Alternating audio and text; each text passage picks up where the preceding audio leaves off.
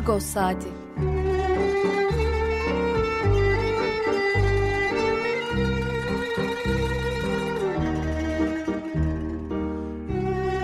Haftalık Agos gazetesinin penceresinden Türkiye ve dünya gündemi. Agos'un mutfağından haberler, söyleşiler, olaylar.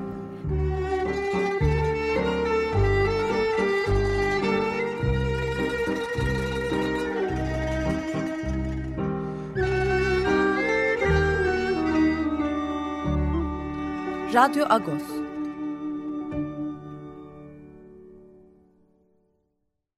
Radyo Agos'tan günaydın. Parlış, ben Yetvar Tanzikyan. Bu hafta ben sunuyorum programı. Neyle girdik? Ee, her zaman bir şarkıyla giriyoruz biliyorsunuz. Yarın 1 Mayıs.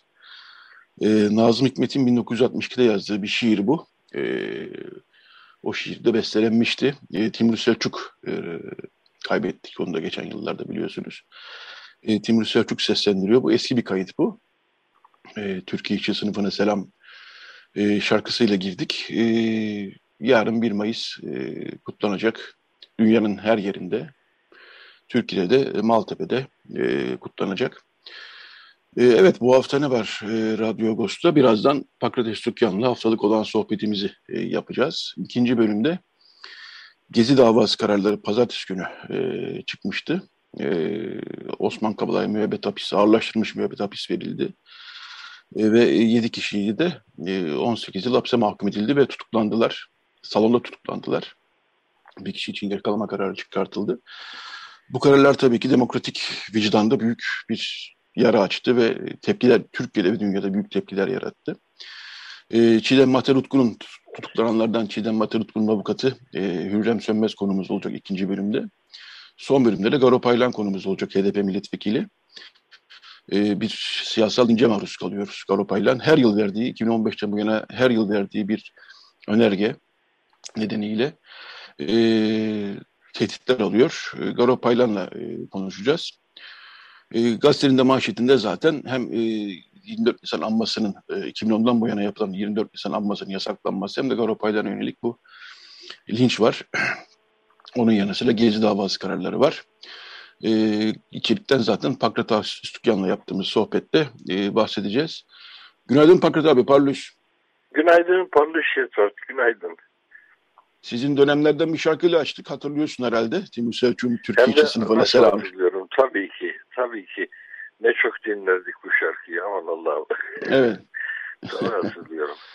Ee, ama e, 1 Mayıs Maltepe'de kutlanacak dediğinde içimde bir burukluk oldu. Öyle ne yazık ki. Ee, yani Taksim'de kut, tekrar kutlanma aşamasına gelmiştik. Birçok alanda geri gidiyoruz. Bu çok açık yani artık konuşuyoruz. İşte odur. Beni burkan da o zaten yani. Ve biz artık bunu e, kabullendik sanki. E, o Taksim ısrarından vazgeçildi. Oysa ne kadar e, sistematik bir ısrardı o. Hiç vazgeçmemek üzerine. E, ama bu yıl ondan vazgeçildiğinin ruh hali çok e, kötü etkiliyor insanı.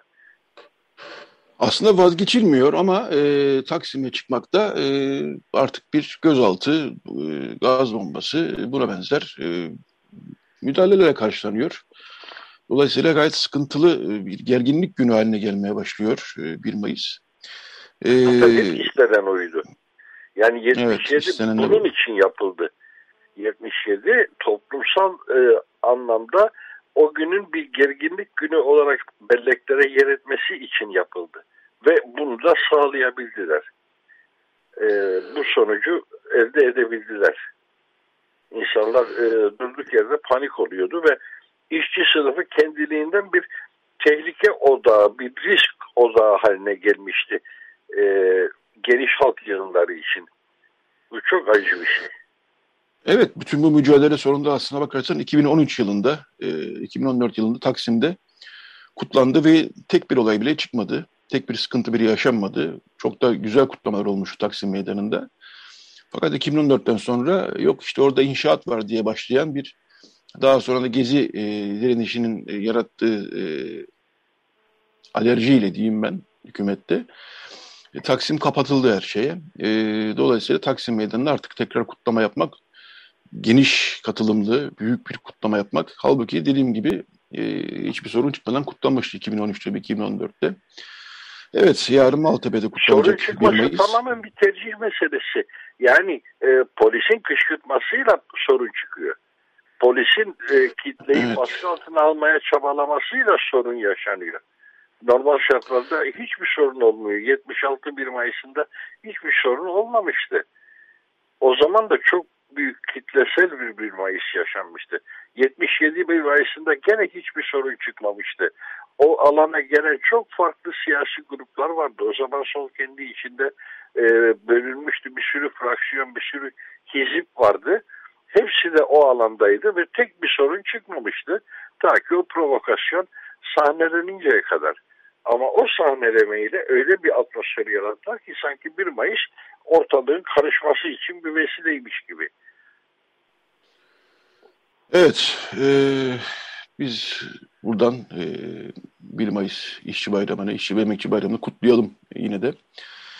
Evet, e, zor bir hafta geçirdik Pakrat abi. Geçen hafta için söylüyorum. E, gerek Garopaylar'a yönelik tehditler, gerek 24 Nisan anmasının, 24 Nisan anma platformunun yapacağı e, anmanın yasaklanması ki yani gazetelere de uzun uzun yazdık. E, burada da zikrediyorum her seferinde. 2010 yılından beri bu anmalar yapılıyordu. Önce Taksim Meydanı'nda, gene Taksim Meydanı'nda yapılıyordu.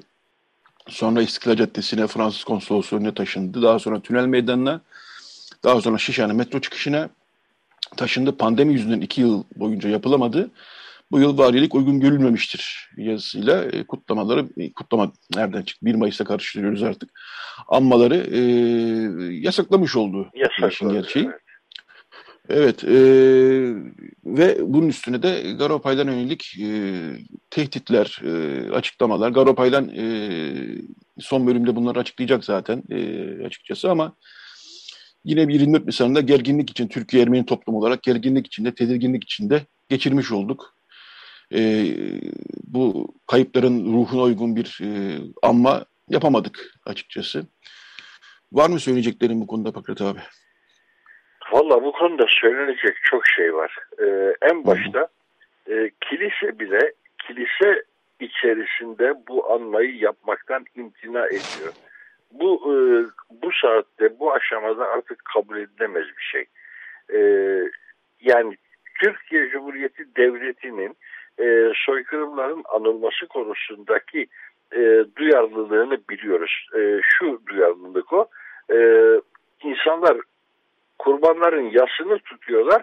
E, Türkiye Cumhuriyeti vay sen bana hakaret ettin, ev, ecdadıma sövdün diye bakıyor bu meseleye. Bu, böyle bir çarpıklık var bu işin içerisinde.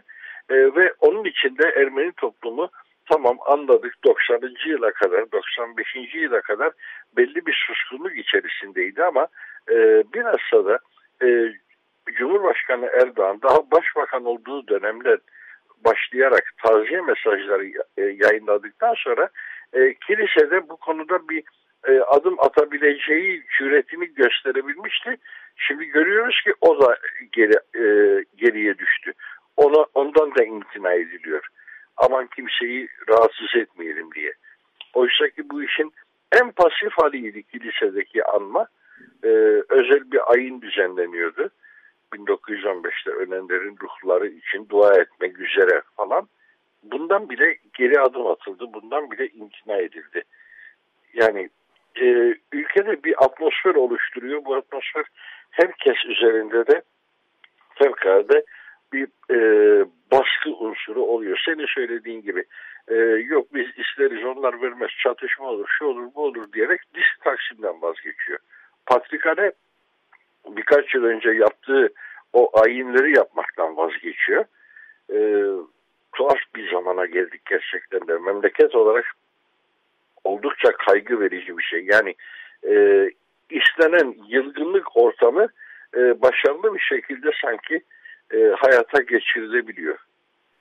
İnsanlar en evet. ufak tepki göstereceklerinden aman diyorlar acaba hükümet bunu e, manipüle eder mi, bu tersi, terse döner mi? e, bizim aleyhimize bir gelişme olarak kaydedilir mi kaygısıyla hareket ediyorlar. Evet yani ne yazık toplum ki. esir alındı bir anlamda. Hı hı. Toplumun refleksleri esir, esir alındı. Bu haftaki Ağustos'ta e, içeriğine de gelecek olursak e, manşeti diğer ma iki manşetimizde hem Gezi davası hem de bu az evvel konuştuğumuz konuları işlemiştik manşetlerimizde zaten. İlginç bir e, tanıklık var. E, iki hafta, yani geçen hafta ilk bölümü yayınlamıştık. Bu hafta da ikinci bölümü yayınladık. E, Arus Cumhur e, akademisyen e, Arus Cumhur Profesör Doktor Arus Cumhur ki Agos'un kurucularındandır aynı zamanda kendisi akademisyen, sosyolog. E, Doktor Avidis Nakkaşer'in 1925'te Boston'da yayınlanan e, anılarını e, okuyarak oradan iki hafta yayılan bir e, derleme yaptı. Dediğim gibi ilk bölümünü e, geçen hafta yayınlamıştık. ikinci bölümde bu hafta yayınladık. E, Avedis Nakkaşan 24 Nisan 1915'te gözaltına alınan ve tutuklanan aydınlardan birisi. Ve e, Ayaş hapishanesinde e, geçirdiği günleri yani tutuklamaktan e, andan itibaren Ayaş hapishanesine kadar ki günlerini e, Ayaş'ı Pandan yani Ayaş hapishanesinden başlığıyla 1925'te Boston'da yayınlamış Ermenici olarak. Burada çok ilginç tanıklıklar var gerçekten.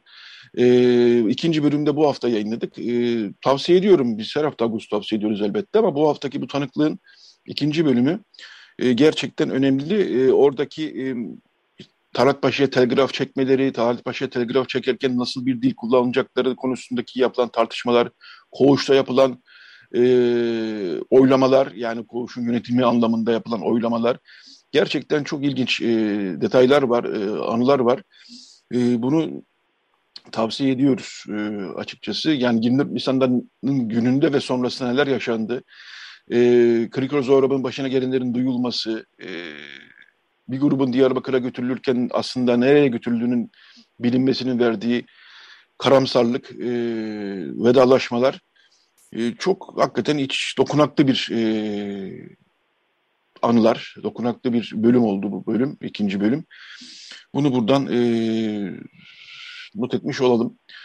E, ayrıca İra Tozoru'nun e, enteresan bir e, makalesi var bu hafta Ağustos'ta. E, Yerevan'ın en eski mahallesi olan Kond'un e, etraflı biçimde arka sayfamızda var. Etraflı biçimde anlatmış hem tarihini hem bugününü hem de kendi sosyal dokusunu. E, sen de bir bölümünü e, Ermenice'ye çevirdin galiba değil mi Fakret abi? Evet evet. E, hafif biraz kısaltarak, çok az kısaltarak aslında e, Ermenice sayfalarda da e, o yazıyı verdik. Çünkü çok ilginç bir yazıydı gerçekten de. Bu da e, hemen şu parantezi açalım. İlatörü Sevan Nişanyan'ın eşi ve e, bu ikisi son zamanlarda Ermenistan'da yaşıyorlar. E, Ermenistan'a gider gitmez bunların bulacağı en ilginç yerlerden biriydi Kont ve onu da bulmuşlar.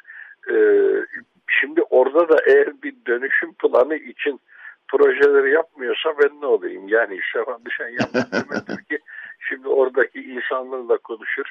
Senin bu evi bir değiştirirsek, şuraya bir kafe yaparsak, şurayı butik otel yaparsak diye adamların aklını çelmeye çalışacaktır. Çünkü oradaki insanlar orayı terk etmiyorlar.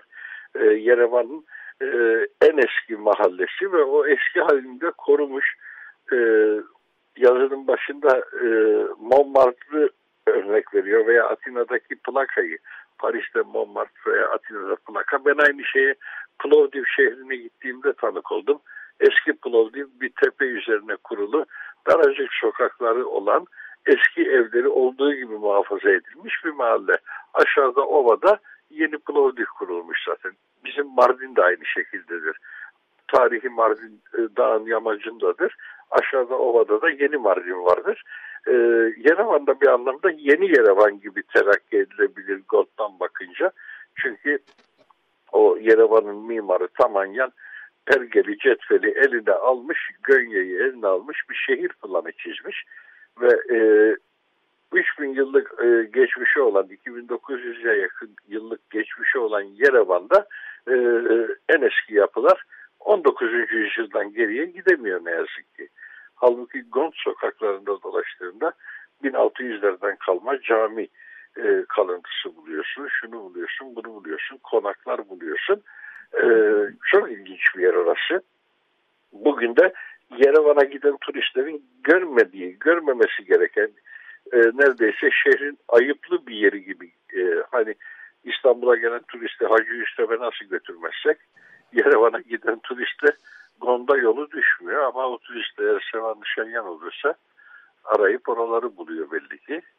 Eşi de ona uyum evet. sağlamış ve güzel bir yazı çıkmış. Evet yazıda da e, İrat Huzur'u detaylı biçimde, kapsamlı biçimde anlatıyor. Sovyet döneminde kanun kaçaklarının da aslında saklandığı bir yermiş Kont.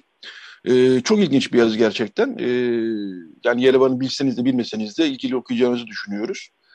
E, bir gelişme daha var bu hafta. E, geçen hafta İzmir'de e, azınlık vakıflarının bir araya geldiği İzmir Yahudi Vakfı'nın e, ev sahipliğinde toplantı olmuş. Bütün azınlık vakıfları İzmir'de bir araya gelmişler. Sevan Ataoğlu da oradaydı ve bizim için yazdı e, İzmir'deki bu toplantıyı. E, hemen peşine e, orada Can Ustabaşı, azınlık vakıfları temsilcisi Can Ustabaşı bazı mesajlar vermişti. Hemen peşine de Ankara'da e, iftar oldu salı günü. E, Cumhurbaşkanı Erdoğan gene bütün azınlık toplumlarını, ruhani ve sivil temsilcilerini e, bir araya getirdi bir masada. E, ve oradan e, toplantıda e, Patrik Maşaller'in daha sonra e, iftardan sonra İçişleri Bakanı Süleyman Soylu ile bir saatlik aşağı bir toplantı yaptığını e, öğrendik ve orada da e, bizim haftalardır yazdığımız aslında bu duyumun gerçek olduğu da ortaya çıktı. Yani hastane seçimleri bu yıl yapılmayacak. Fakat şöyle demiş e, İçişleri Bakanı Süleyman Soylu Patrik Maşaller'e bunu da ucu açık bir şekilde bırakmayacağız. 2023'te yapacağız. Gerekçe olarak da şu söyleniyor. Çok fazla vakıf var. Hepsini birden aynı dönemde yapmak çok zor. Bu bir gerekçe olarak söylüyorum bunu. Yani gerekçe olarak söylenmiş. Ben de burada sadece aktarıyorum. Katıldığımdan değil. Ee, çok fazla bak 160 tane vakıf var. Bunların seçimlerin hepsini bir, aynı dönemde yapmak çok zor. Hastane vakıflarını 2023'te yapalım denmiş. Ee, bunun da e, detaylarını e, Ağustos'ta bulacaksınız bu haftaki Ağustos'ta. E, vakıf seçimleri ilgili de son bir hesap olduğu muhakkak tabii ki. Bu söylediği bir gerekçe değil. Yani 100 küsür tane, 160 tane vakıf var. Hepsi birden olmasın. 3 tanesini ayıralım. Var mı böyle bir saçmalık? De ki yarısını bu sene yapalım desem bir mantığı var. 3 tanesini ayırmanın e, böyle bir mantığı olamaz yani. O doğru bir açıklama değil. Hı hı. Bahane ee, ama, gözüküyor. Ama böyle olacak gibi gözüküyor. Ee, Can Ustabaşı da evet. Evet, e, Can Ustabaşı da İzmir'de yaptığı açıklamada e, itirazlarımız dikkate alındı e, demiş. Sanıyorum bir orta yol artık mı artık ne diyelim biz buna. E, çünkü ilk e, planda neredeyse hiç yapılmayacak kadar giden bir e, açık bir kapı vardı hastane seçimleri için. Hastane seçimlerinden kastımız şu, bilmeyen dinleyicilerimiz olabilir. Yani Yedikule Surpurgiç Ermeni Hastanesi, e, Balık Durum Hastanesi ve e, Balat Orahayem Yahudi Has, e, toplumunun hastanesi. Bu üç hastane e, aslında çok önemli kurumlar. E, hele hele Yedikule Surpurgiç Ermeni Hastanesi yani sadece Ermenilere hizmet vermiyor, bütün e, halka hizmet veren bir hastane. Fakat e, çok köklü ve e, en büyük vakıfların bir tanesi Ermeni toplumunun en büyük vakıflarından bir tanesi. Balık Rum da aynı şekilde Rum toplumu için. Buraların e, seçimleriyle ilgili böyle bir e, hassasiyet diyeyim ben tırnak içinde e, gidiyor. E, yani aslında e, bu şeyi de biraz açmak gerekir mi e, Getvat? E, bizi dinleyen insanlar özellikle de e, daha nispeten bize göre daha genç yaşta olan insanlar e, bu hastanelerin varlıklarını da algılayamamış olabilirler. E, ne ihtiyaç vardır, niye e, Ermeni Hastanesi, Rum Hastanesi gibi kurumlar vardır sorusunu e, bir e, tatmin edecek bir açıklama verelim mi biraz? Ne dersin? Çok kısa verelim çünkü bu bölümün... Eskiden e, İtalyan Hastanesi vardı. Avusturya Hı. Hastanesi halen var. E, Alman Hastanesi vardı. Şimdi artık yok. Amerikan Hastanesi vardı. Şimdi artık o da yok. Onun yerine Koç Hastanesi oldu. E, Bulgar Hastanesi vardı. E, işte Ermeni Hastanesi, Balık Durum Hastanesi ha, bunları saydık zaten. Fransız Hastanesi vardı. Üç tane. E, birisi e, Pastör Hastanesi'ydi. Şimdi onun yerinde e, bir otel var. E, birisi Lape Hastanesi'ydi. O halen e, devam ediyor. E, bir hastaneleri Jeremia vardı. O da vatan hastanesi oldu daha sonra. Fransızların üç tane hastanesi vardı bu şehirde. Bunların hepsi 19. yüzyıldan e, kalmak kurumlar.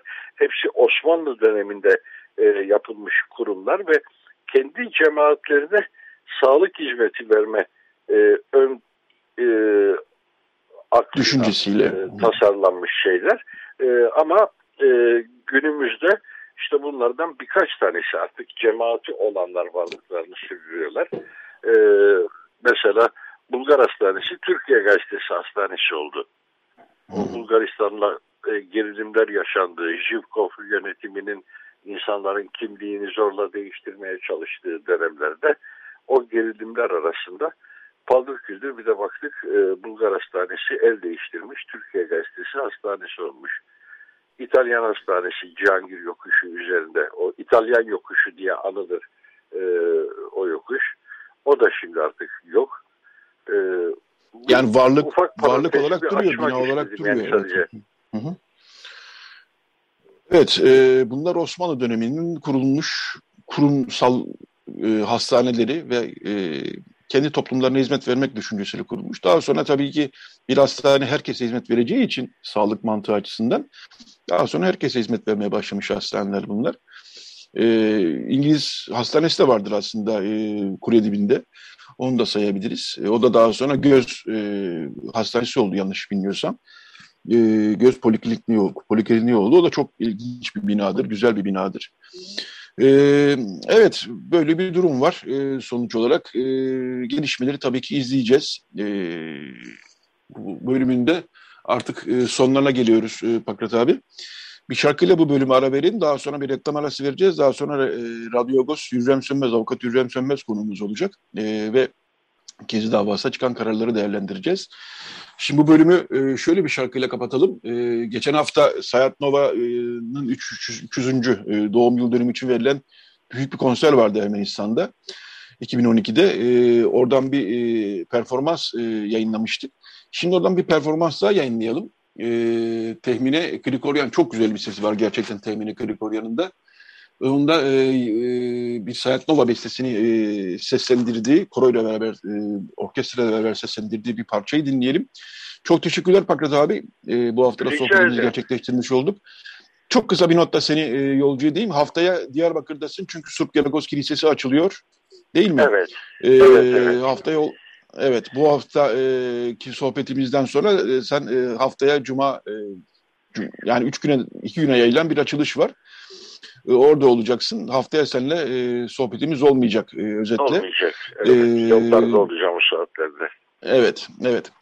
Ee, size de kolay gelsin diyorum. Ee, açılışta hayırlı olsun diyoruz buradan. Ee, Sopyologos Kilisesi bir süredir kapalıydı. Yani açılışta ikinci e, gerçek açılışından sonra çatışmalı dönemde hasar görmüştü. Bir süredir kapalıydı. Ee, şimdi tekrar açılıyor. Sana da iyi yolculuklar dileyelim, dileyelim buradan. Çok Fakat teşekkür abi. ederim Yatrat. Çok teşekkür ederim. Evet. Diyarbakır, Diyarbakırlara buradan çok selam bizden. Evet Eyvallah. şimdi e, Temini Krikoryan dinliyoruz. Daha sonra Radyo Agos devam edecek. Radyo Agos. Evet, Radyo Agos devam ediyor. Bir şarkı daha dinledik. E, ne dinledik? Zela Margosyan Quintet. Zela Margosyan, Beyrut doğumlu bir Ermenim. Ermenistan Komitas Konservatuarı mezunu. E, daha sonra Avustralya'ya gidiyor ve orada Zela Margosyan Quintet'i kuruyor. Caz tarzında ama çok e, bizim sevdiğimiz bir e, sanatçı ve quintet e, grup. Oradan Şunç yani e, Ermenice Şunç, e, Şunç e, isimli şarkının nefes e, anlamına geliyor. Evet bu bölümde e, Gezi davasından çıkan mahkumiyet kararlarını ki hem Türkiye'de hem bütün dünyada büyük tepki yarattı. E, onu konuşacağız. E, tutuklananlardan bir tanesi Çiğdem Mater Utku'ydu. Çiğdem Mater aynı zamanda Hrant Arkadaşları İnisiyatifi'nin ne çok emek vermiş birisi. Türkiye Ermenistan Sinema Platformu'na çok emek vermiş birisi. E, yönet, e, prodüktör e, aynı zamanda. E, Çiğdem Materyal Utku'nun avukatı Hürrem Sönmez, Sönmez e, hattımızda. Günaydın Hürrem Hanım, hoş geldiniz yayınımıza. Günaydın, hoş bulduk, teşekkür ederim. Evet, pazartesi çıktı kararlar. E, nasıl derler? E, kamu vicdanında e, yara açan yara, e, kararlardan birisi oldu. Hem Osman Kavala'ya zaten dört buçuk yıldır hapiste olan Osman Kavala'ya ağırlaştırılmış müebbet cezası verilmesi hem de Onunla beraber yargılanan e, kişilerden 7 kişiye de 18 yıl hapis e, cezası e, verilmesi ve mahkeme salonunda tutuklanmaları gerçekten e, ne diyeceğimizi bilemiyoruz. Çok yani hukuksuzluğun artık nerelere vardığını gördüğümüz bir süreç oldu bu. E, siz e, aslında Osman Kavala açısından 4,5 yıldır süren bir süreç. E, daha sonra Mücella Yapıcı, Çiğdem Mater, Tayfun Kahraman e, bu isimler de eklendi bu davaya ve onlara da e, Can Atalay, Mine Özer'den. E, onlar da eklendi bu davaya e, Yiğit Ekmekçi. E, ve onlar da hapis cezasına çarptırıldılar. E, süren duruşmalar boyunca e, gerek Osman Kavala'nın avukatları, gerek diğer yargılanan isimlerin avukatları iddianameyi e, teker teker çürüttüler aslında ve buradan e, bir suçlama olamayacağını e, ki zaten berat edilmişti bu davadan zaten. Buna rağmen bir e, mahkumiyet kararı çıktı. E, bilmiyorum sözü size bırakayım. Neler yaşandı e, son duruşmada? E, ben izleyemedim son duruşmayı ama gelen notlardan mahkeme heyetinin e, savunmaları dinlemediği, telefonuna baktığı, sağa sola baktığı gibi notlarla gördük. Bu da hiç iyi bir gösterge değildi aslında ama savunmalarınız ne yazık ki yerini bulmadı. Neler söylersiniz? Evet yani e, tabii heyetlerin e, işte e, duruşmalarda kimseyi dinlememesi pek yabancısı olduğumuz bir şey değil ne yazık ki. E, burada da aynı şey oldu. E, bunun nasıl bir etkisi oluyor? Aman zaten kararlarını vermişler. E, siz ne söylerseniz söyleyin e, kar etmeyecek gibi bir duygu yaratıyor elbette insanda. E, şimdi ilk beraat kararında da aslında bir yargılama, delil tartışması filan olmamıştı. Hatta ilk ilk beraat kararında e, savunma bile çok fazla yaptık denemez. Yani sorgudan sonra işte biz iddianameye ilişkin e, tartışmalarımızı yapmıştık avukatlar olarak. E, sonrasında esas hakkındaki mütaladan sonra e, birdenbire bir beraat kararı çıkmıştı. Aslında tabii e, o kararda e, problemliydi. O zaman da problemliydi. Fakat netice itibariyle doğru, yanlış yoldan bir doğruya varılmıştı belki öyle düşünmek lazım. Hı hı. Ama e, bu defa e, şimdi o ilk beraat kararı işte savcının istinaf talebi üstüne e, bölge adliye mahkemesine gitti. Orada bozuldu. E, geldi. Bozma kararında iki tane vurgu vardı işte. Bir tanesi bu e, beraat kararında yasak delil olarak kanuna aykırı elde edilmiş deliller olarak din, e, nitelendirilen dinleme kararlarının e, ikrar edilmiş olması sebebiyle başkaca delillerle birlikte değerlendirilebileceğini söyledi Bölge Adliye Mahkemesi. İkincisi de o vakit Yargıtay'da henüz görüşülmekte olan çarşı davası olarak bilinen kamuoyunda davanın e, bozulabilmesi ihtimalinin göz önünde tutulması. Şimdi tabii aslında bu ikincisi de e, son derece acayip bir şey. Niye? Çünkü henüz daha bozulmamışken o e, şeyle isnaf kararıyla anlaşıldı ki e, o çarşı kararı da bozulacak. Nitekim e, bir süre sonra Yargıtay'dan bozma kararı geldi. E, bu dosyayla birleştirildi. O birleştirme zamanında hatırlarsınız e, 30 Ağır Ceza Mahkemesi'nin e, hakimi işte öbür mahkemeye geçip birleşmeye onay verdi filan böyle saçma sapan şeyler. Sonra da birleştirilen dosya 5 celse sonra tefrik edildi. Çarşı grubu dosyası e, hızla karara gidilmesi için yapıldı ve nihayetinde pazartesi günü de karar çıktı. Yani şunu belki biraz fazla uzun anlattım ama şunu demek istedim. Beraat edilen yargılamayla bu kadar ağır cezaların verildiği mahkumiyet verilen yargılama arasında aslında hemen hemen hiçbir şey olmadı. Hukuki hiçbir şey olmadı. Yani delil tartışılmadı, toplanması istenen deliller toplanmadı, tefsir tahkikat talepleri vardı savunmanın. Onlara hiçbir şekilde itibar edilmedi. İşte nasıl bir şey e, içindelerse, telaş içindeyse mahkeme e, paldır küldür e, dosya karara çıkartıldı. Yani bu deliller deliller deniyor da dinleme dışında bir delil yok herhalde değil mi aslında? Ki telefon dinlemelerinde delil sayılmaması icap eder yani üstelik. Tabii şimdi e, birkaç boyutu var o meselenin. Sonuçta birincisi evet neredeyse bütün bir e, iddianame tapelerin üstüne kurulmuş, telefon dinlemeleri üstüne kurulmuş. O dinleme kararları ilk derece ilk e, beraat kararı veren mahkemenin yaptığı nitelendirme doğruydu o noktada. E, hukuka aykırı yolla elde edilmiş. Neden? Birkaç sebebi var bunun. Birincisi o tarihte bu dinleme e, kararlarının altına imza atan hakimler sonrasında e, 15 Temmuz sonrası e, yargılandılar, ihraç edildiler. İşte tutuklandı bir tanesi, öteki bilmiyorum firariydi galiba filan. E, dolayısıyla onların verdiği dinleme kararları başka dosyalarda tamamen kanuna aykırı delildir dendi ve hiçbir şekilde e, şey e, karara dayanak alınmadı. Örneğin 17-25 Aralık'tı bunlardan bir tanesi. E, bu duruşmada da zaten meslektaşımız Tora Pekin bunu çok güzel tartıştı mahkemede. E, çünkü aynı hakimlerin altına imza attığı bir dinleme kararı bir yargılamada hukuka uygun bulunup diğerinde hukuka aykırı bulunamazdı ama biz böyle bir şey yaşadık. Ee, onun dışında da başkaca e, bir delil evet hakikaten yoktu. Açık kaynaklardan elde edilen işte e, belki şey e, bir takım e, açıklamalar, e, basın açıklamaları vesaire. Ama şunu vurgulamak önemli burada. Ne o dinleme kararlarındaki konuşmalar ne diğer açık kaynaklardan elde edilenler zaten suç unsuru içeriyor. Yani e, bir de böyle bir şey var. Nitekim bu mahkemenin e, kararında bir e, karşı oy var biliyorsunuz. Üyelerden bir tanesi karşı oy yazdı. Karara katılmadığına dair ve e, o karşı oydaki vurgu da bu yöndeydi. Birincisi bunların yasak delili olması. Çünkü bu dinleme kararları verildiği zaman e, isnat edilen suçlama o e, dinlemeye konu e, düzenleme içinde yoktu. Sonradan eklendi. Dolayısıyla dinleme kararları zaten hukuka aykırı şekilde verilmişti. E, dosyadan çıkartılması ve yok edilmesi gerekir. Bizim e, ceza muhakemesi usulümüz bunu emreder aslında. Ama e, içeriğinde de zaten hiçbir suç unsuru içermeyen konuşmalardı bunlar. Ve başkaca delillerle de desteklenemediği için aslında ortada hiçbir dayanağı olmayan bir yargılama e, vardı. Hiçbir dayanağı olmayan bir iddianameyle e, tamamen hukuksuz bir karar verildi.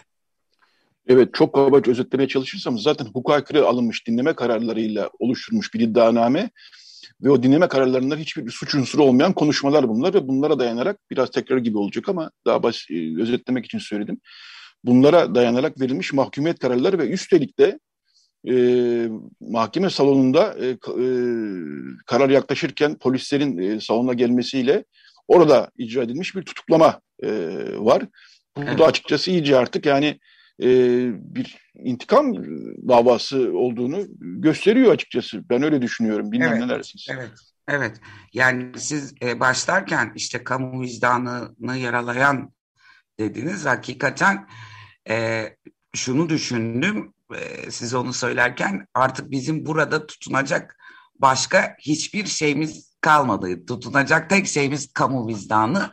E, buna toplumdan yükselecek olan tepki. Çünkü bu özetlediğimiz şekilde verilmiş olan kararla insanlara çok ağır e, cezalar verildi. Osman Kavala'ya ağırlaştırılmış müebbet, diğer yargılananlara 18'er yıl hapis cezası ve e, yani inanabiliyor musunuz? Duruşmalardaki hal ve tavırları sebebiyle hafifletici neden uygulanmasına gerek görülmedi diye de bir e, şey var kararda. Osman Kavala içinde diğer yargılananlar içinde. Bu şu demek yani o duruşma salonunda kimsenin e, geri adım atmaması, diz çökmemesinin aslında bir şeyi o da. Yani e, o mahkeme baştan itibaren e, bir yanlışın içinde, bir emir ve talimat zincirinin içinde. Herkes bunun farkında. Bu politik bir dava ve e, buna mukabil haklı olmanın verdiği e, o başı dik tavırdan bile rahatsız oldukları için bunu da vurguladılar. Hal ve tavırları sebebiyle indirme gidilmesine yer olmadı diyerek. Evet yani Osman Kavala için oluşturulan e, iddianame ayrı, bu diğer sanık, sanık demeye de dilim varmıyor. Diğer yargılananlar için oluşturulan iddianame ayrı. Bunların hepsi hukuki olarak yani üstelik de beraat edilmiş bir davadan bahsediyoruz. Üstelik de Avrupa İnsan Hakları Mahkemesi'nin Osman Kavala için verdiği ihlal kararından bahsediyoruz. Karşı oylardan bahsediyoruz. Gerçekten yani e, insan ne diyeceğini bilemiyor. Çok ağır bir durumla karşı karşıyayız ve e, ben mesela açık konuşayım şunu da düşünmüştüm karar günü. Yani herhalde bir şeyler çıkacak bir ama bu yani istinafa gidecek, yargıtaya gidecek yani bir, o an tutuklama çıkmaz diye düşünüyordum. Ee, yani çünkü artık hepimiz kendimizi ne yazık ki bu baskı ortamında en kötüye de e, hazırlamak e, gibi bir durumun içinde buluyoruz. Düşündüğümüz senaryonun bir ötesine geçen bir durumla karşı karşıya kaldık. Anında tutuklama gibi bir durumla karşı karşıya kaldık. Gerçekten e, hukukun er ya da geç yerini bulmasını e, talep ediyoruz, ümit ediyoruz. Bunun için zaten birçok insan bir araya geldiler. Dün e, birçok edebiyatçı e, ortak bir metin imzaladı. İşte yurt dışından zaten tepkiler var. Yurt içinden tepkiler. Adalet nöbeti başlatıldı Çağlayan'da. Bugün e, yanlış bilmiyorsam saat 3'te Bakırköy cezaevi önünde bir e, destek gösterisi eylemi olacak, e, toplantısı evet. olacak. Evet. E, açıkçası bu tip eylem e, tepkiler var. E, bu tepkileri sürecek gibi gözüküyor. Salı akşamı e, Taksim'de TMMOB önünde bir yüz, binlerce insan bir araya geldiler. E, böyle bir tabloyla karşı karşıyayız. E, peki şimdi hukuki olarak gene de e, hukuki olarak ne yapılacağını e, takip etmek ve denemek gerekiyor herhalde. Şimdi sanıyorum sırada tutukluluğa itiraz var ve istinafa gidecek. Nasıl olacak süreç? Nasıl ilerleyecek şimdi? Evet, şimdi e, tutukluluğa itiraz edilecek elbette e, ve onu e, bir e, şey e, numara sonraki mahkeme inceliyor. Yani 14. Hı hı. Ağır Ceza Mahkemesi inceleyecek. E, fakat 14. Ağır Ceza Mahkemesi de e, pek iyi bir şöhrete sahip olmayan e, evet. Akın Gürley'in başkanlık Hı. ettiği bir mahkeme. E, ne yazık ki. Diğer taraftan elbette isnaf e, yoluna başvurmak için biz zaten işte süre tutum dediğimiz e, şeye başvurduk. Gerekçeli kararın yazılmasını bekliyoruz. E, sonrasında da e, tabii ki e, bu yargıtay incelemesine e, gidecektir dosya. E, Avrupa İnsan Hakları Mahkemesi'ne, Anayasa Mahkemesi'ne başvuru yolları mümkün. E, ama burada e, sizin de söylediğiniz gibi tabloyu ağırlaştıran şey daha önce Avrupa İnsan Hakları Mahkemesi'nin Kavala hakkında verilen verdiği kararın hiçbir şekilde dikkate alınmamış olması ki o kararda aslında mahkeme e, sadece Osman Kavala bakımından değil yani e, barışçıl gösteri hakkı bakımından bir inceleme de yaptı. E, bunun işte suçlamaya dayanak oluşturamayacağını anayasal hakların, e, temel insan hakları, e, hak ve özgürlüklerin e, bir e, suçlama e, vesilesi haline getirilemeyeceğini vurguladı. E, mahkeme bunu da hiçbir şekilde dikkate almadı. E, bir de takip etmişsinizdir sonuçta e, şeyin e, en tepedeki e, yerden e, dün e, bir açıklama geldi işte bu iş bitmiştir artık e, karar verildi buna Avrupa Avrupa hiçbir şey yapamaz gibilerinden e, bu da tabii ki e, şeyi çok ortaya koyuyor yani e, belli ki işte evet. biz tarafız ifadesi. Evet siyasi etkinin açık açık ortaya konduğu hatta evet. iki gün önce yaptığı açıklamada da Soros'un Türkiye şubesiydi gibi e, yani hala hapiste olan bir insanı tek başına dostlarından başka kimsesi olmayan bir insanın bütün bir rejimin e, dostlarından başka kimsesi olmayan tek başına dört buçuk yıldır hapiste olan bir insanla bu kadar uğraşmasını da gerçekten e, anlayamıyorum yani gerçekten anlayamıyorum. Bu nasıl bir intikam hissidir e, çözmekte zorlanıyorum. E, ve şöyle de bir şey oldu e, Osman Kavala açısından söylüyorum. E, Gezi davasından beraat ettiği gün e, Silivri cezaevinden tahliye edilmesi gerekirken casuslukla ilgili bir dosyası varmış. Ha biz şimdi hatırladık o yüzden tutuklu kalması lazım dendi. Ve Osman Kavala tekrar tutuklu kaldı. E, yaklaşık evet. bir buçuk yıl aşağı yukarı. Nereden baksanız belki de iki yıl. E, sonra dün e, bu hafta çıkan kararlar casusluktan beraat etti. E, daha önce beraat ettiği davadan hüküm giymiş oldu. Evet. Yani sırf e, biraz daha hapiste tutmak için bir casusluk suçlaması oluşturuldu ve kararda da casusluk suçlaması yokmuş meğerse. E, biz tekrar ilk başa dönüyoruz, tekrar biz Gezi'den e, hüküm veriyoruz gibisinden neresinden tutsanız elinde kalan tuhaf bir durumla karşı, tuhaf da yetersiz kalıyor tabii ama e, böyle bir kararla karşı karşıyayız. E, gerçekten çok e, zorlu bir e, süreç olacak hukuki açıdan. E, görüyoruz bunu. Oldu zaten bugüne kadar. Bundan sonra da olacak. E, kolaylıklar diliyorum bütün avukatlara sizin şahsınızda. E, Gezi davasının bütün avukatlarına. E, son bir iki dakikamızda da şunu sormak istiyorum. Siz gördünüz sanıyorum e, müvekkilinizi evet. Bakırköy cezaevinde. Evet. E, sanıyorum e, görüş açısından e, bir e, kısıtlama yok. Avukatlar görebiliyor, milletvekilleri görebiliyor, aile yakınları görebiliyor değil mi? Onu ben siz söyleyin isterseniz nasıl olacak? Evet yani e, bu pandemi tedbirleri vardı. Sonra işte e, genelgeyle artık normale dönüldü diyelim e, cezaevlerinde de. E, dolayısıyla e, zaten avukatlar olarak biz e, her zaman e, görebiliyoruz. E, onun dışında işte e, her cezaevinin kendine göre e, görüş ve ziyaret saatleri var aile görüşü içinde. Onlar da e, gördüler ve görüşte yaptılar. E, pazartesi günü girdiler, pazartesi akşamı girdiler cezaevine. E, Perşembe günü e, şey vardı, aile görüşü vardı. E, kadın cezaevindeler e, Mine Özer'den Yücela Yapıcı ve e, Çiğdem Mater üçü. E, diğer işte Tayfun Kahramancan Atalay ve Hakan da şeydeler, e, Silivri'deler. Silivri'deler. Evet. E, yani iyiler arkadaşlarımız. Sonuçta onlar e, elbette masumiyetine inanmanın verdiği bir güç var. E, yine hı hı. başlarını eğmediler. E, haklılar, haklı olmanın e, getirdiği dirençle e, onlar e, son derece güçlüler. Sadece e, dışarısı tabii onlar için çok önemli artık. Yani dışarıda bütün bu hukuksuzluğa, bu korkunç e, duruma karşı çünkü hakikaten bu kadar korkunç hukuksuzluk karşısında e, toplumun bir tepki vermesi çok önemli. O yüzden hani onları e, dışarıda konuşulanlar e, olan biten e, çok ilgilendiriyor ve e, orada daha güçlü kalmalarını sağlıyor. E, toplumun tepkisi çok e, kıymetli şu anda.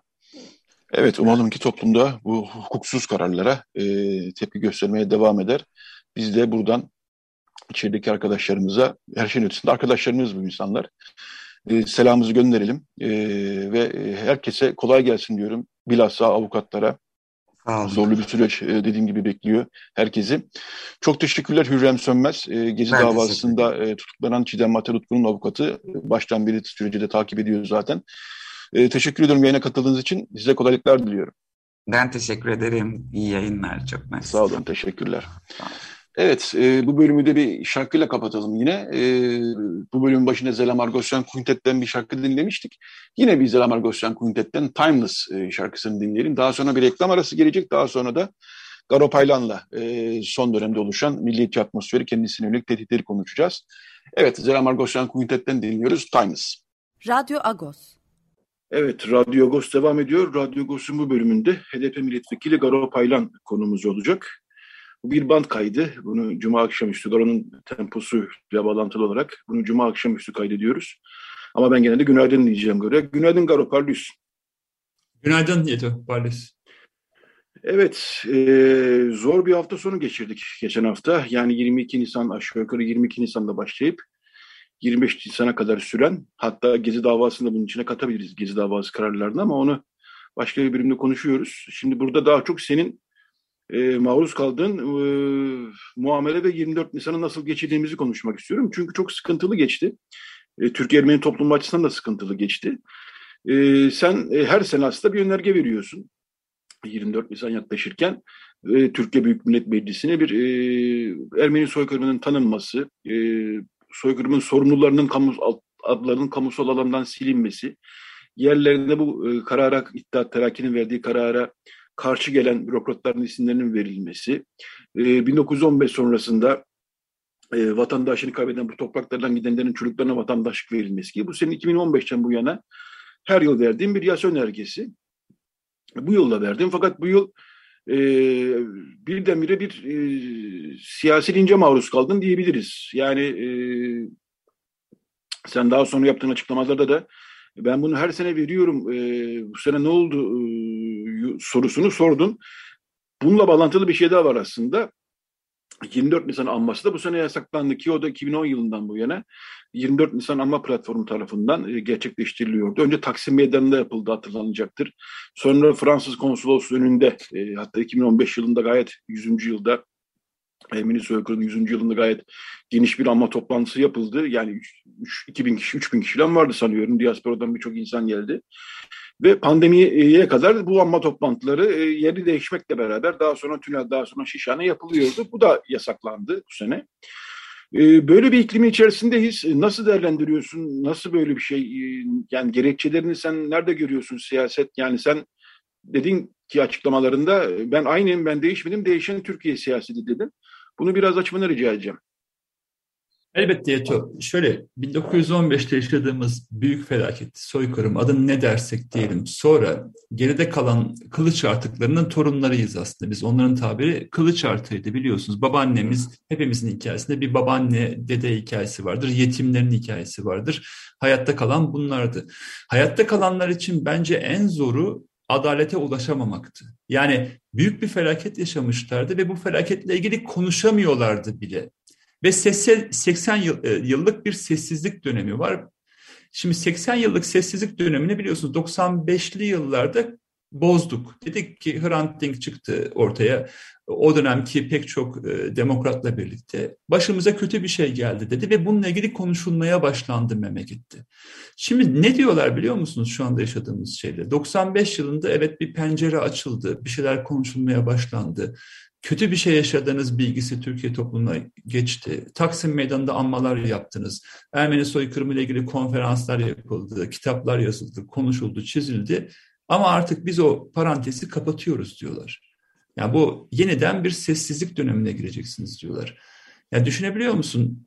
Ben 7 yıldır milletvekiliyim ve ben e, meclise girerken iki vaatte bulundum Türkiye toplumuna. Vaatlerim açıktı 2015 yılında, 2018'de aynı vaatte bulundum.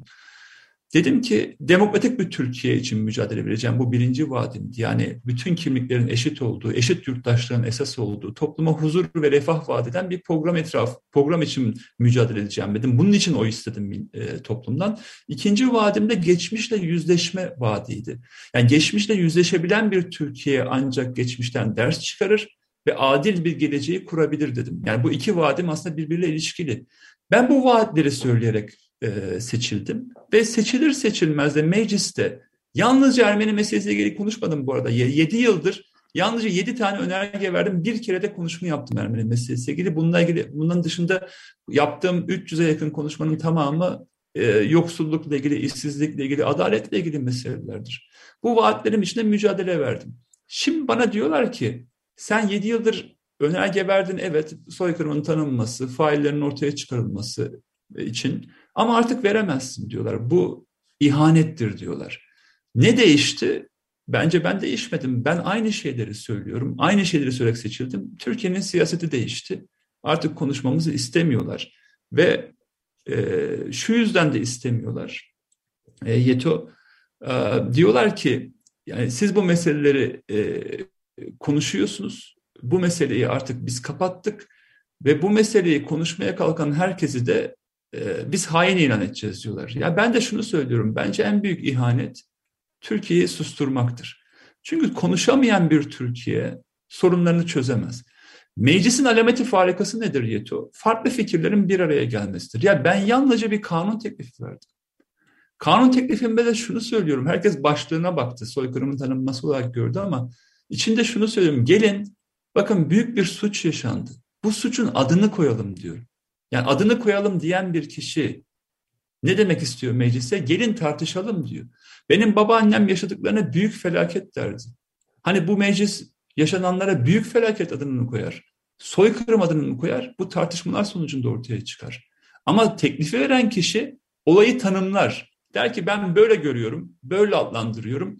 Buyurun bu teklifim budur der. Sonra meclis tartışır, önergeler verilir. Adaleti sağlayacak bir noktada bu tartışmalar sürer ve sonuçta bir sonuca ulaşılır. Şimdi bana diyorlar ki sen meclise teklif vermen ihanettir diyorlar. En büyük ihanet bu meclise, bu meclise teklif verilmesini, yani bu ülkenin kadim bir sorunun çözümüyle ilgili teklif verilmesini ihanet saymaktır. Bunu kriminalize etmektir bence. Ee, sen e, konuştuk. E, 7 yıldır bu teklif veriyorsun hiçbir şey olmuyor. Yani e, işleme konmuyordu en fazla. Şimdi bu yıl takriben 24 saat sonra ilk olarak İyi Parti Genel Başkanı Meral Akşener çok sert bir açıklama yaptı senin aleyhinde. Ondan sonra AKP sözcüsü Ömer Çelik'ten sert bir açıklama geldi. Yani seni suçlayan, hedef gösteren açıklamalar, sertten kastım bu. Ee, ve daha sonra böyle bir sanki bir fitil ateşlenmiş gibi sosyal medyada büyük bir şey, e, nasıl diyeyim bir siyasal dinç diyebiliriz buna herhalde. Ee, acaba bu e, hükümet muhalefette muhalefetin şey e, etkisinden mi korkarak birdenbire bu kadar gül bir sesle e, bu tepki verdi yoksa e, Meral Akşener bunu ver, söylemese bile böyle şeyler bunlar olacak mıydı? Sen bir, burada bir şey yapıyor musun? Gözlemde bulundu mu bu anlamda? Elbette. Şöyle ki e, yani 7 yıldır bu ülkenin sonuçta başbakanı veya cumhurbaşkanı Erdoğan her yıl sonuçta benim açıklamam kamuoyuna her yıl düşer, her yıl tartışılır ve Erdoğan herhangi bir tepki bu, bugüne kadar vermedi. Bahçeli 7 yıldır mecliste, işte MHP'nin genel başkanı bununla ilgili bir tepki vermemişti. Her yıl aynı teklif vermeme rağmen. Diğer muhalefet partilerine baktığımızda böyle bir şey olmamıştı. Yalnızca geçtiğimiz yıl Ümit, Özdağ'la bir polemik yaşamıştık. O da attığı ırkçı tweetlerden dolayı Twitter'dan bile silindi ve sonuç olarak ırkçı diye yaftalandı. Ve e, ırkçılık sonuç olarak hegemonya kuramamıştı. Ama bu yıl oyun değiştiren kişi bence Meral Akşener'di. Çünkü Meral Akşener de sonuç olarak e, aşırı milliyetçi bir partinin genel başkanı ve muhalefet partisinin genel başkanı ve iktidar bu konuda e, Meral Akşener bir adım attığında ondan geri kalmamak için bence bu e, ırkçılık korusuna katıldı. Yani Meral Akşener ilk olarak beni hedef gösterdiğinde hemen ardından e, AKP sözcüsü bu koroya katıldı. Sonra bir sarmala girdik bence. Irkçılık yarışına girildi ülkede. Yani ben daha çok Garo'ya hedef gösterdim, ben daha çok Garo'ya saldırdım, ona hain dedim yarışına girildi ve bir hezeyan yaşadık bence. Ya ben bunun illa organize bir şey olduğunu düşünmüyorum. Bir hezeyana girildi, bir yarışa girildi ve şunu da görmüş oldum. Yani ırkçılığın e, nasıl bulaşıcı olabileceğini gördüm. Hiç beklemediğim insanlardan efendim evet. açıklamalar, yarışlar, nefret söylemleri e, oldu. Yani bu bu sene işaret fişeğini Meral Akşener attı e, ve koroya maalesef herkes katıldı ve Garopaylan yalnız değildir diye de tabii yüz binlerce insan destek verdi ama bence bu yıl ırkçılığın hegemonyası vardı. Geçen yıldan farklı olarak. Evet, e, ben bunu ben de gözlüyorum. Göçmen karşıtlığıyla başladı. Irkçılık aslında yani göçmen karşıtlığı sadece göçmen karşıtlığı değil. Bunu ben bizim Ermeni toplumuna da söylemek istiyorum. Çünkü bizim Ermeni toplum içerisinde bir göçmen karşıtlığı var. Bunun faşizmle, ırkçılıkla kol kola giden bir düşünce olduğunu anlamak gerekiyor. Tek başına gelmiyor o paket yani. Bir bunu söylemek istiyorum. İkincisi benim gözlemimde istersen paylaşayım. Bütün bunlar normalleşme süreci. Yani Türkiye Ermenistan normalleşme süreci sürerken olması ayrı bir tuhaflık. Ben bunun üzerine biraz düşündüm. Yani bu kadar sene bir şey olmazken tam da normalleşme süreci başlamışken böyle bir hükümet tarafından bu kadar sert bir hedef göstermenin gelmesi ne anlama geliyor olabilir? Biliyorsun normalleşme sürecinde e, tarihsel konular e, dışarıda bırakıldı. E, fakat e, öyle görünüyor ki bu normalleşme sürecini Türkiye bir galip ülke olarak yürütmek istiyor ve Ermenistan'a bir mağlup ülke olarak e, sıkıştırabildiği kadar da sıkıştırmak istiyor gibi e, seziyorum. Bu sadece bir sezgi, bir bilgiye dayanarak söylemiyorum bunları. Ve bu normalleşme sürecini böyle bir yani biz istiyoruz hadi böyle olacak bu iş havasında yürüyor Türkiye tarafından bir parça. Bunun bir uzantısı gibi e, yani şüpheyle söylüyorum bunu gerçi ama sanki öyle bir sezgi var bilmiyorum katılır mısın? Şimdi bundan ben e, birkaç önceye kadar e, normalleşme sürecinde Türkiye gerçekten çok fazla istiyordu. Yani e, başarıya ulaşmasını çok ciddi anlamda istiyordu. Bu konuda ben de çok ciddi rol aldım. Yani sürekli bu işin kolaylaştırıcısı olmak için elinden geleni yaptım. Ama Ukrayna-Rusya savaşı başlar başlamaz Türkiye'nin stratejik önemi daha fazla arttı. İşte Rusya enerjisi yerine Türkiye üzerinden gelecek enerji hatları konuşulmaya başladı. Alman şansölyesi e, Scholz buraya geldi. Herkes Türkiye'yi konuşmaya başladı ve bence Ermenistan-Türkiye normalleşme meselesi ajandanın ilk sırasından belki 10. sırasına düştü. Daha az önemsenen bir konu haline geldi. Ve Türkiye bu konuda adım atmak konusunda imtina eden daha fazla Ermenistan'dan adım bekleyen noktaya geldi. Bu da büyük bir haksızlık. Çünkü Türkiye siyasetinde Türkiye-Ermenistan normalleşmesine muhalif, muhalif kimse yokken Ermenistan içinde ciddi bir kuşku var. Yani çünkü daha bir buçuk yıl önceki savaşta Türkiye önemli bir rol aldı. Bu konuda ön yargılar var. Ön yargıları kırmakta daha çok bize düşer diye düşünüyorum. Ve bu noktada da bu bana karşı saldırının da tabii ki yani dünya Ermenileri beni izliyorlar. Bütün Ermenistan'daki, bütün diasporadaki Ermeniler de yani beni linç ettiren bir e, iklimin, iktidarı nasıl Ermenistan'da normalleşeceği dair kuşkuları artıran bir konu. Umarım ki bana karşı yaşatılan bu durum yani o süreci de e, zarar vermez. Bu benim umudum o ama kaygılarım da tabii artmış. Çünkü Türkiye seçime doğru gidiyor ve seçime doğru giderken milliyetçilik yarışına girmiş durumda iktidar ve muhalefet. Bu milliyetçilik yarışından da Türkiye-Ermenistan normalleşmesinin daha da zora gireceğini ben düşünüyorum. Hı hı. Evet, e, son birkaç dakika e, şunu sorayım ben sana. E, önergende aslında önemli bir şey söylüyorsun. Yani yurt dışı parlamentolarda bu konu konuşulduğu zaman e, kızıyorsunuz, sinirleniyorsunuz. Yani Türkiye kamuoyuna seslenerek bunu söylüyorsun bir anlamda. İşte bizde, ben de bu bizim parlamentomuzda konuşalım diyorum. Yani bunda ne var e, diyorsun. Bu bir e, doğru bir mantık bir anlamda. E, bununla ilgili birkaç cümle söylemeni rica edeceğim. İki, e, evet. e, tehditler alıyor musun? E, somut ve ciddi alınır tehditler. E, Birçok tehdit aldığının farkındayım. Yani biz Türkiye toplumu, Ermeni toplumu olarak da sıkıntılı günler geçiriyoruz zaten. Ayrıca kişisel olarak da toplum olarak da ama somut ve ciddi andır hani e, savcılığa iletilmesi gereken tehditler var mı bunların arasında? Bu ikisini birlikte sorayım ben sana. Tabii Yeto şöyle yani biliyorsun bizim acımız Ermeni halkının büyük felaketi, soykırım adını ne de koyarsak koyalım. 107 yıldır dünya parlamentolarının konusu oluyor. Niye? Çünkü Konyalı Agop amca gidip Fransız parlamentosunda adalet arıyor. İşte Elazığlı Arşalüs teyze gidip işte Amerikan Kongresi'nde e, adalet aradı. Böyle oldu 107 yıldır. Niye? Çünkü bu meseleyi biz konuşmayı reddettik. Oysa yalnızca 1915 yılından sonra 1920'de, 30'larda, 40'larda ne zaman olursa olsun bu meseleyi biz konuşmuş olsaydık, adını koymuş olsaydık emin olun bütün dünya Ermenileri Türkiye'nin ne dediğine bakmış olacaktı. Evet Türkiye'de bir felaket yaşandı ama bunun adı kondu, adaleti sağlandı, faillerine gerek tarih yönünde cezalandırıldı diye bakılacaktı ve dünya parlamentolarının konusu olmayacaktı. Ben de ironik bir şekilde 7 yıldır bütün dünya Ermenilerine gidiyorum diyorum ki Gidip de enerjinizi başka parlamentolarda bu meselenin adının konmasına harcamayalım. Bu meselenin Türkiye'de konuşulması için harcayalım. Çünkü siz Türkiyelisiniz. Türkiye'nin e, efendim yurttaşlarının torunlarısınız. Ve bu mesele Türkiye'de konuşulduğu zaman başka parlamentonun ne dediğinin hiçbir önemi kalmayacak diyordum. Hep bunun propagandasını yaptım. Bu mesele Amerikan parlamentosunun, Fransız parlamentosunun değil, bir tek Türkiye'nin parlamentosunun konusu olması gerekir. Ve Fransa bu meseleyi kabul etti, Amerika meseleyi kabul etti, yaramızı iyileşti mi diye sorduğumda hayır iyileşmedi cevabını verdim. Bizim yaramızı iyileştirebilecek tek bir parlamento var ve tek bir toplum var. O da Türkiye parlamentosu ve Türkiye toplumu dedim. Hep bunun propagandasını yaptım. Bu meseleyi e, ulusallaştırma önerisi yaptım. Ben yani Türkiye taşıma önerisi yaptım. Bu konuda önergeler verdim ama diyorlar ki hayır bu mesele Türkiye parlamentosunun konusu olmayacak diyorlar. Bu da çok içimi acıtan bir şey. Çünkü mesele Garopaylan değil. Mesele Türkiye'nin meselesini Türkiye'nin konusu yapmamak, bunu konuşmayı reddetmek. E biz bu konuşmayı reddedersek, Garopaylan'ı e, bu öneriyi yaptı diye hain diye yaftalarsak sonuç olarak bu mesele başka parlamentoların konusu olmaya devam eder. Çünkü Ermeni halkı 107 yıldır adalet arıyor.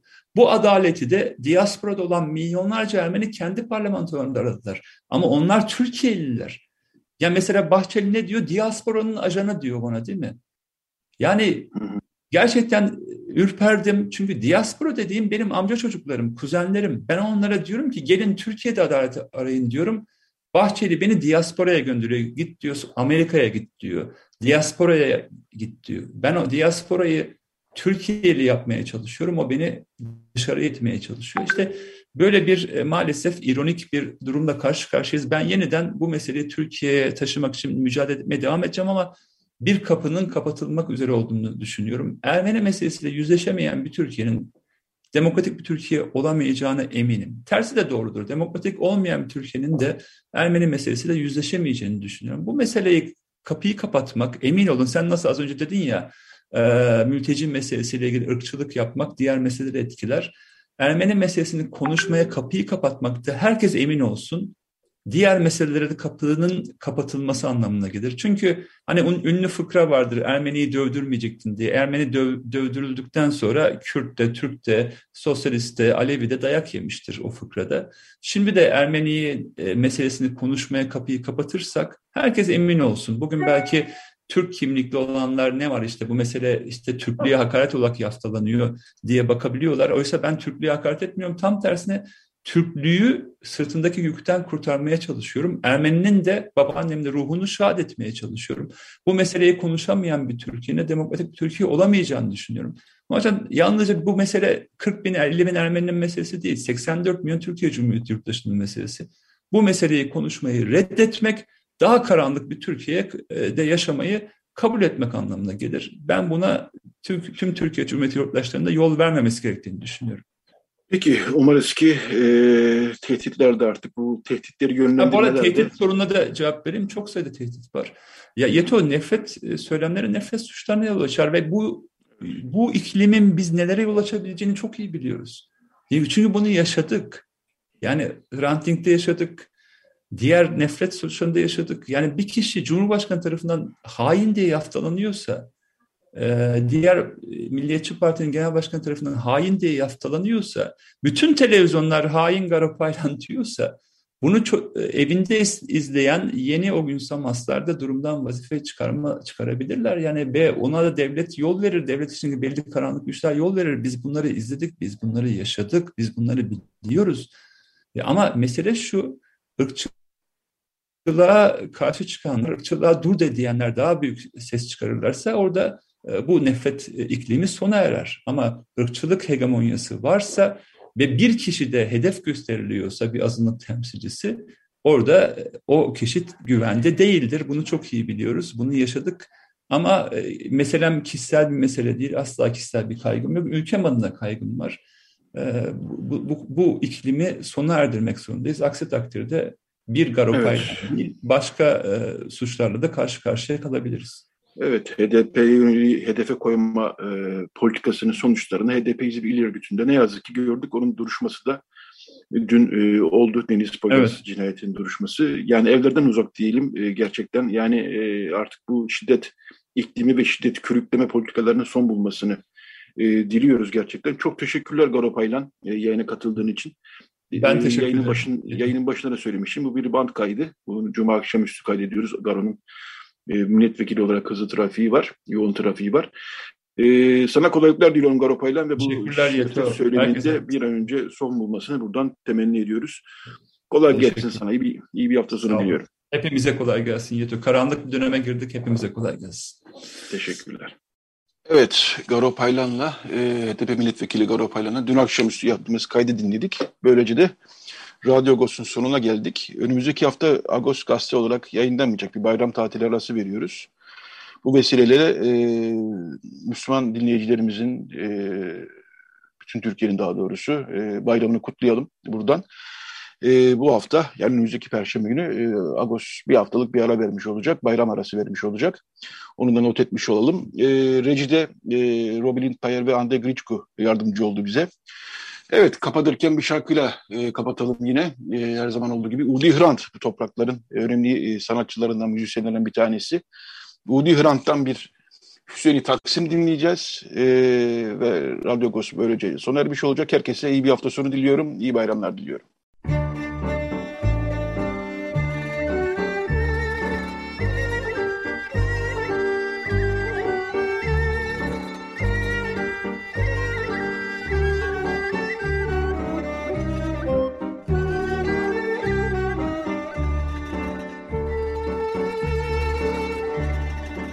Agos Saati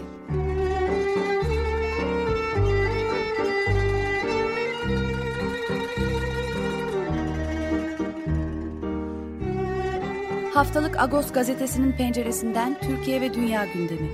Agos'un mutfağından haberler, söyleşiler, olaylar.